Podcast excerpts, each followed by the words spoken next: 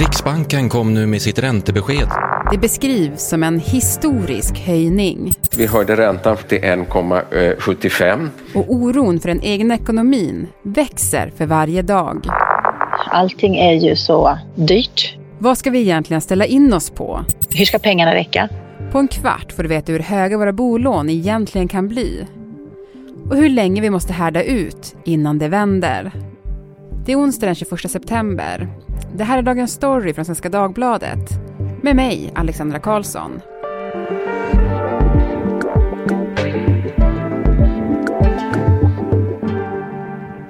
Johan Karlström och Louise Eklund, reportrar på SvD Näringsliv.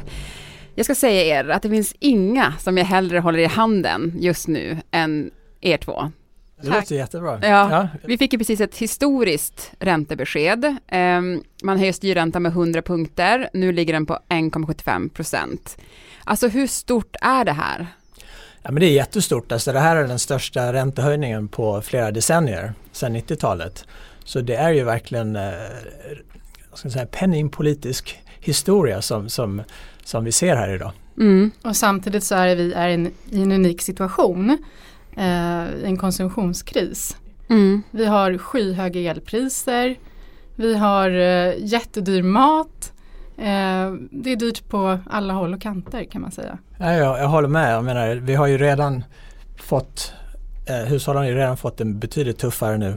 Eh, bara den här inflationen har ju verkligen urholkat vår köpkraft och gjort oss fattigare redan innan de här räntehöjningarna. Mm. Och nu kan vi räkna med att boräntorna kommer att stiga och det, det går fort. Ja men för vad händer nu? Nu har Riksbanken presenterat det här och vad, vad blir följdeffekten av det? Ja, alltså man, man, kan tänka sig som hushåll om man tänker på sin egen boränta, så kan man tänka sig att höjer Riksbanken med 0,50 procentenheter, ja då kommer din boränta, om du, sitter, om du har en rörlig boränta, då kommer din rörliga boränta att, att höjas ungefär lika mycket. Mm. Så det finns ett väldigt tydligt samband där. idag ligger ju snitträntan på ungefär 2,5 procent. Så med den här höjningen så kommer vi ligga på runt 4 procent i mm. boräntor mm. vid årsskiftet. Och vi har ju legat på jättelåga räntor. Så det blir ju en jättestor chock för många. Verkligen, och det är inte över än. Utan Riksbanken har ju en prognos och den visar att de kommer höja ännu mer. Så nu har de då höjt från eh, till 1,75 procent och kommer alltså att landa enligt deras egen prognos på kanske 2,5 procent. Så då pratar vi om nästan tre gånger så höga, inte riktigt, men nästan tre gånger så höga bolånekostnader då för en, en person som sitter på ett rörligt bolån. Och då är det ju ungefär hälften av alla som har bolån har ju rörligt bolån. Så det kommer ju verkligen att slå hårt för väldigt många hushåll. Man undrar ju verkligen, det är ju det som är den stora frågan, hur, hur mycket de här räntehöjningarna, hur stor effekt det kommer få på ekonomin. För jag menar, hushållen kommer att ha betydligt mindre pengar kvar i plånboken då efter de här räntehöjningarna och då givet att, att priserna ökat. Så vad kommer nu hända? Så vi, vi har redan sett tecken på att hushållens konsumtion har börjat falla. Burrows furniture is built for the way you live. From ensuring easy assembly and disassembly to honoring highly requested new colors for their award-winning seating, they always have their customers in mind. Their modular seating is made out of durable materials to last and grow with you. And with Burrow, you always get fast, free shipping. Get up to 60% off during Burrow's Memorial Day sale at burrow.com slash ACAST. That's burrow.com slash ACAST. burrow.com slash ACAST. Jag får ju tänka om, alltså, hur ska pengarna räcka? Eh, hur, vad ska jag handla och vad kan jag avstå ifrån? Kort datum kollar jag på i butiken när jag kommer till, bara nästan. Hushållen har inte varit så här deppiga på flera decennier. Alltså, det görs ju sådana här mätningar på eh, hur stämningsläget bland hushållen och de är ju jättejättedeppiga. och det är liksom redan redan innan de här räntehöjningarna. Nu, nu har ju kanske hushållen då i viss mån då vetat om att de här kommer. Men alltså vi, befinner oss i det läget och vad gör det då med ekonomin och vad, vad händer med arbetslösheten om, om vi börjar konsumera mindre? Eh, kommer svensk arbetslöshet att stiga? Det kommer den antagligen att göra, men hur mycket? Och, och det är det som är liksom den svåra balansgången här för Riksbanken då. De vill höja eh, räntan och de måste höja räntan för att få ner inflationen men man vill inte ta i för mycket, då knäcker man ekonomin, huspriser faller och så vidare. Eh, så att det där är en jättesvår balansgång som, som eh, som eh, Riksbanken måste gå nu. Mm. Vi ska prata mer om, om just det lite senare. Men jag tänkte, nu har vi pratat mycket om de som äger sin bostad, men, men påverkar det här också de som hyr sin bostad? Ja, så alltså på olika sätt. Det här kyler ner hela ekonomin. Det påverkar kommersiella fastigheter som eh, har stora bolån som i sin tur hyr ut till frisörer, restauranger och så vidare eh, som kanske kommer få betydligt högre hyror som i sin tur kommer behöva ta ut det på sina kunder som är vi, vanliga personer. Så det, det, påverkar liksom i alla olika led. Vi ska snart gå in på, på liksom individnivå, men, men jag tänkte först, det här är kanske en väldigt stor fråga, men jag tänker ändå fråga den och det är så här, hur hamnade vi egentligen här? Ja, det, det, är en bra fråga. Ja. Det, det beror på en massa olika faktorer. Då. Det, man kan egentligen säga att det började under coronapandemin. Du hade en massa problem med leveranser och produktion vilket då höll ner utbudet av vara. Eh, och i början så var efterfrågan ganska låg för man kunde, hushållen kunde inte handla eh, de här varorna. Men sen började, kom det massa stimulanspaket eh, som olika regeringar lanserade. Och då har du alltså mer pengar som jagar färre varor. Och då, då byggdes det här inflationstrycket upp. Och det fanns redan där innan kriget i Ukraina. Och, och kriget i Ukraina gjorde ju då dessutom att energipriserna helt plötsligt hoppade upp också. Och spädde på inflationen helt enkelt. Helt plötsligt så hade spelplanen ändrats. Alltså vi pratar om alltså för 6-7 månader sedan så sa Riksbanken att vi kommer att hålla räntan på 0% det vill säga där den är, i flera år framöver.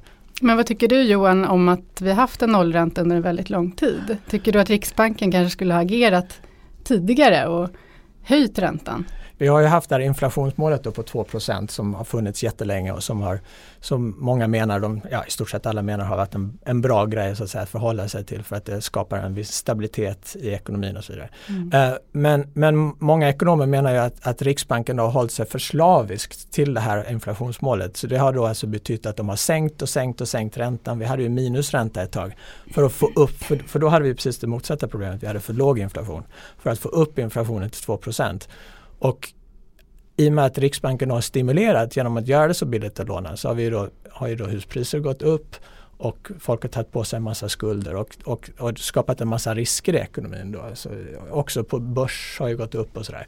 När nu räntorna går upp ja, då drabbas ju hushållen ännu mer för nu har vi byggt upp alla de här skulderna och så kan nu, vi då betala dem. Precis, så nu mm. när de gör sådana här kraftiga höjningar som man då tänker att ja men bra, nu, nu, nu gör ni ju någonting åt situationen. Mm. Då får de istället kritik för att de gör så kraftiga höjningar. Eh, och flera bedömare som jag har pratat med de tror ju att det här kan få riktigt eh, allvarliga konsekvenser nästa år. Um, och att det kan leda till en djup lågkonjunktur. Ja, jag är lite rädd för det också, alltså, för det här är ju, det är ju verkligen monsterhöjningar vi pratar om. De har verkligen visat att de menar allvar så att folk förstår att menar, Riksbanken vill ha ner inflationen till 2% och det här är speciellt viktigt för att nästa år så blir det sådana här nya avtalsförhandlingar då som, som rör ungefär hälften av alla eh, löntagare i Sverige.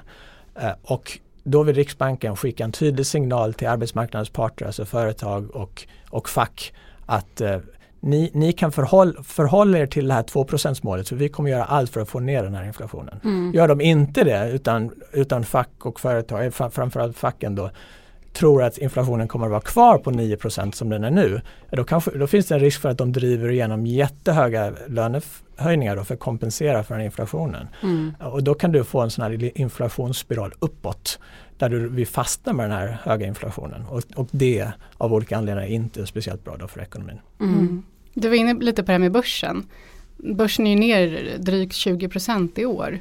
Hur stor påverkan har det här för börsen kanske många tänker, det här räntebeskedet. Och då skulle jag säga att det är snarare USAs räntebesked som kommer eh, onsdag som eh, påverkar den svenska börsen. Men vi lever ju som ni är inne på verkligen historiska eh, ekonomiska tider just nu. Eh, det kommer liksom hela tiden så historiska besked. Förra veckan när eh, inflationsbeskedet kom så lät det ju väldigt dramatiskt i nyheterna. Eh, alltså, och man känner det verkligen själv, allting är så dyrt. Men hur dyrt kan det bli?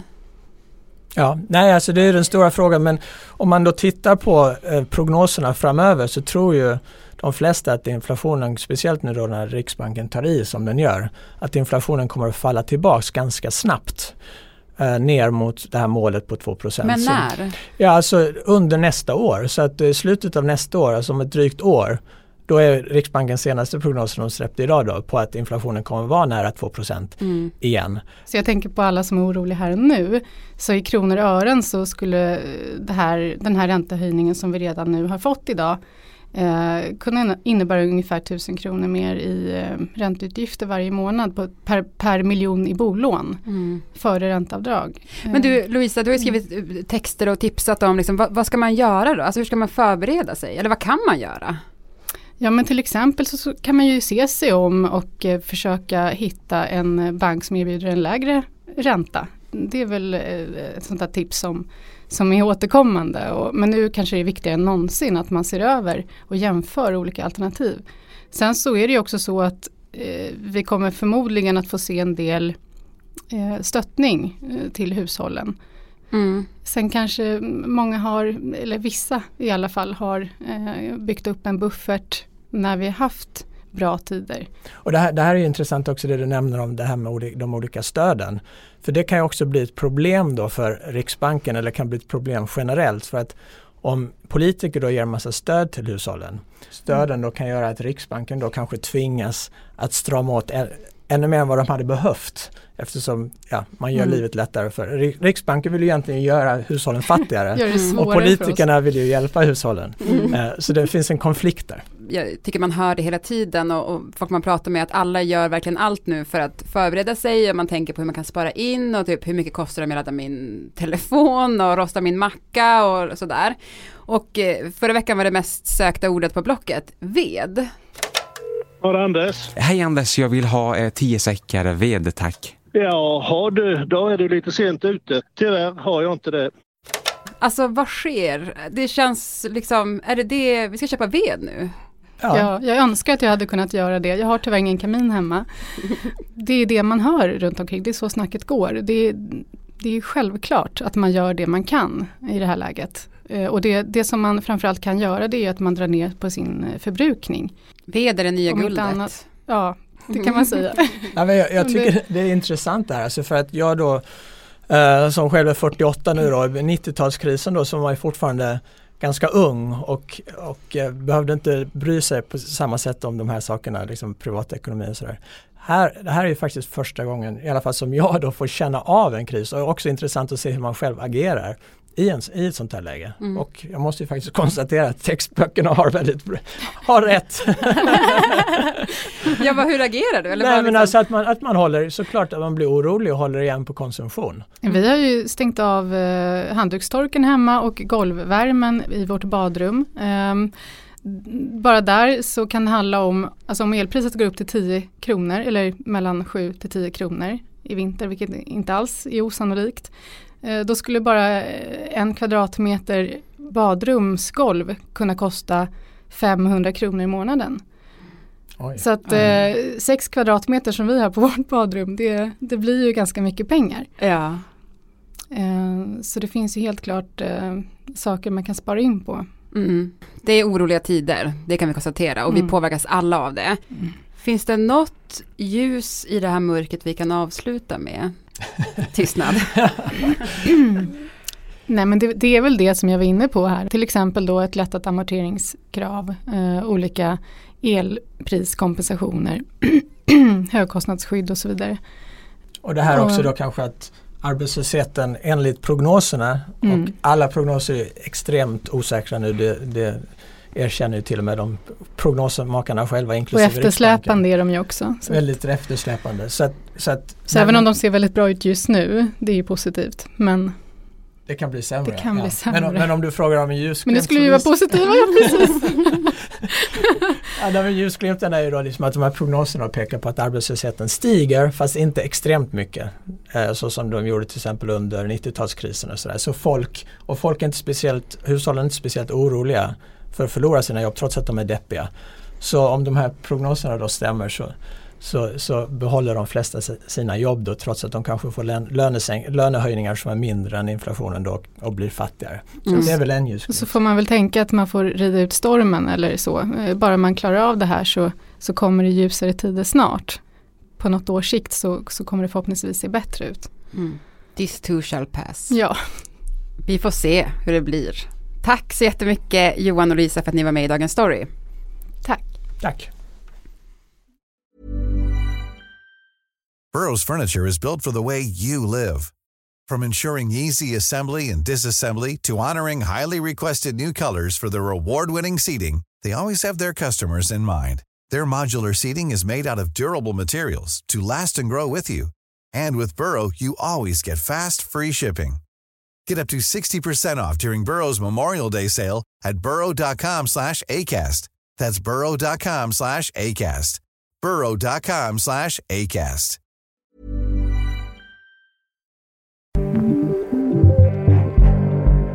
Dagens program producerades av Elin Romeliotto, redaktör var Erika Hallhagen och jag heter Alexandra Karlsson. Vill du kontakta oss så mejla till dagensstory.svd.se. Klippen i programmet kom från SVT, Sveriges Radio, P4 Kronoberg och SVTs Ekonomibyrån.